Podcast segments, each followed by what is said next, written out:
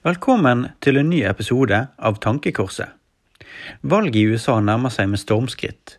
Natt til onsdag norsk tid er valgdagen, men det er ikke sikkert at vi får vite svaret allerede da, siden veldig mange har stemt via post denne gangen.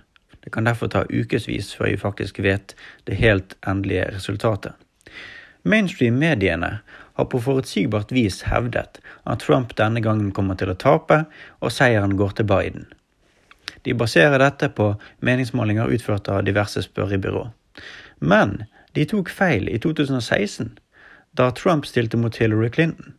Forhåndsmålingene ga Hillary i snitt 3,2% margin, men vi vet jo hvem som vant. Biden har ifølge en gjennomsnittsberegning av ti målinger 7,4% margin for å vinne. Så det er høyere, men det er flere menn her. En årsak til at de fleste bommet i 2016, var at Trump motiverte nye velgere til å stemme, mens målingene som oftest kun gjøres blant registrerte velgere eller sannsynlige velgere. Dette førte til at mange av Trumps velgere ikke ble fanget opp i forkant. Nå er denne gruppen blant de registrerte velgerne, og dermed fanges de opp av målingene. I tillegg har firmaene som gjennomfører målingene, justert sammensetningen, sammensetningen av respondentene, skriver VG. Spørrebyrået Trafalgar Group skilte seg ut i 2016, da de faktisk fikk rett i spådommen om at Trump kom til å vinne, og de tipper at han vinner denne gangen også. Trafalgar Group sin metodikk er blitt kritisert av konkurrentene, men i et intervju forteller Robert Kahali hvorfor de mener at deres metodikk er mer treffsikker. Vi gir større anonymitet. Jo mer anonym en person er, jo mer ærlig er personen.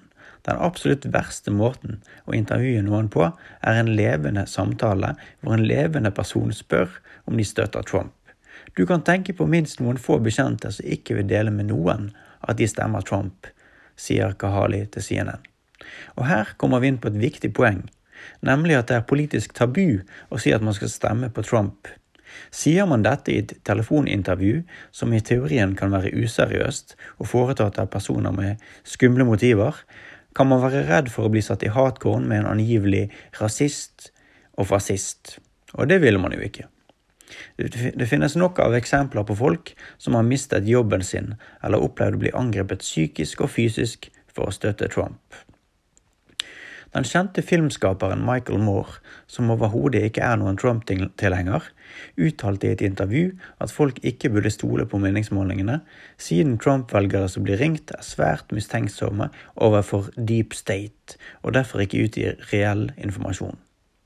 Uansett hva de sier at Biden leder med, kutt marginen i det halve, og du er innenfor feilmarginen på 4% Så jevnt er dette, uttaler Moore, som for øvrig også tippet rett på Trump-seier i 2016. USA-ekspert Alf Thomas Tønnesen sier til NTB at Trump har holdt flere av løftene sine. USAs utenrikspolitikk og handelspolitikk har blitt kraftig endret. Innvandringspolitikken har også blitt mye strengere, helt i tråd med Trumps løfter og egne oppfatninger som har blitt delt helt siden 80-tallet. Dette er løsninger som er uortodokse innenfor republikanernes rekker. Trump har også satt opp nye tollmurer og reforhandlet handelsavtaler, bl.a. med Canada og Mexico. Han har gått til handelskrig mot Kina. I motsetning til sine forgjengere har ikke Trump bidratt til å starte nye kriger eller store væpnede konflikter.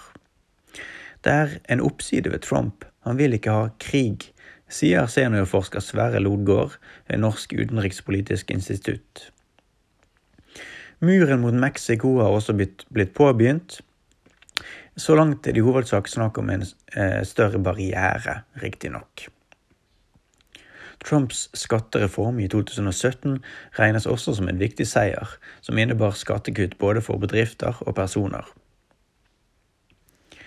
Det kan også nevnes at valgkampmøtene og mobiliseringen for de to presidentkandidatene står i ganske sterk kontrast til hverandre, for å si det mildt. Trump samler tusener på tusener av entusiastiske tilhengere, men Biden får knapt oppmøte på sine samlinger. Trump har en personlighet som eh, splitter, siden folk enten elsker eller hater ham. Også mange av de som stemmer på ham, liker ham overhodet ikke som person, men De ser at han leverer på flere av sine løfter. Og eh, mange amerikanere ser på Trump som et vern mot sosialisme, et begrep mange av de riktignok har et svært feilaktig bilde av. Selv ikke demokratiske politikere på ytterste venstre skanse kan saklig sett defineres som noe annet enn sosialdemokrater, som er for en blandingsøkonomi lik den vi har i Norge. Men poenget er at i et så multikulturelt og splittet samfunn som USA, så er det mange som er lite interessert i å betale mer over skatteseddelen for sin neste. Mange ser også på Trump, som et vern mot identitetspolitikk, som splitter sterkt det amerikanske samfunnet. Identitetspolitikk som legger skyld på hvite amerikanere for det som visstnok skal være systemisk rasisme. Mange amerikanere liker overhodet ikke marxistiske BLM sitt mål om at de skal straffes for sine forfedres synder. Rundt en tredjedel av amerikanerne liker ikke Black Lives Matter, ifølge en undersøkelse fra Pew. BLM er også en organisasjon med flere lederskikkelser som har oppmuntret til vold for at de skal få igjennom sine mål. I juni uttalte leder for Black Lives Matter i New York, Hank Newsom, eller Hak Newsom, at hvis dette landet ikke gir oss hva vi vil, så vil vi brenne ned systemet og erstatte det. Jeg kan snakke figurativt, og jeg kan snakke bokstavelig. Det kan tolkes på flere måter, sa han. Andre Black Lives Matter-ledere har kommet med lignende rystende uttalelser. Man kan nok tenke seg at en del som tidligere har stemt på Demokratene, nå stemmer annerledes. Trakasseringen, hærverket og volden utført de siste månedene av Black Lives Matter og Antifa i flere byer, har nok gjort at mange stemmer på den kandidaten de er overbevist skal sikre innbyggernes trygghet. Også blant dem som tradisjonelt har stemt demokratisk. Trump blir derfor ansett som lov- og orden-kandidaten fordi han har tatt klar avstand fra det som har skjedd, og stått på politiets side. På samme tid har demokratiske ledere som Alexandria Alexandra Ocasio-Cortez og Kamala Harris i beste fall vært tvetydig angående denne formen å demonstrere på, i gåseøyne. Og derfor splitter venstresiden det amerikanske folket. Men avslutningsvis så kommer man ikke unna det faktum at valg veldig ofte handler om økonomi. De som ikke har fått dette med seg skikkelig, får gjerne høre ordene It's the economy, stupid. Og det gjelder selvsagt også for dette valget. Det er her jeg tenker at Trump kan gå på en smell. Trump er kjent for å lyge masse, og jeg tenker at ja, det er vel kanskje ikke unikt for bare han. Men han har hatt noen svært bastante uttalelser om en rekordlav arbeidsledighet under hans administrasjon. Men ser man på tallene, så stemmer det simpelthen ikke. I oktober hadde han et intervju med Washington Post, hvor han uttalte at vi kommer til å sette nye jobbrekorder. 11,4 millioner nye jobber i de siste fire og en halv månedene. Vel og bra det, men i og med at det var 22 millioner jobber som gikk tapt i mars og april, så er jo ikke dette så veldig imponerende. Ser man på tallene, så ser man at færre jobber ble skapt under Trumps første tre år som president enn Obamas siste tre år som president. Joe Biden har uttalt at Trump ser ut til å bli den første presidenten siden hover til å forlate Det hvite hus med færre jobber enn når han først kom inn.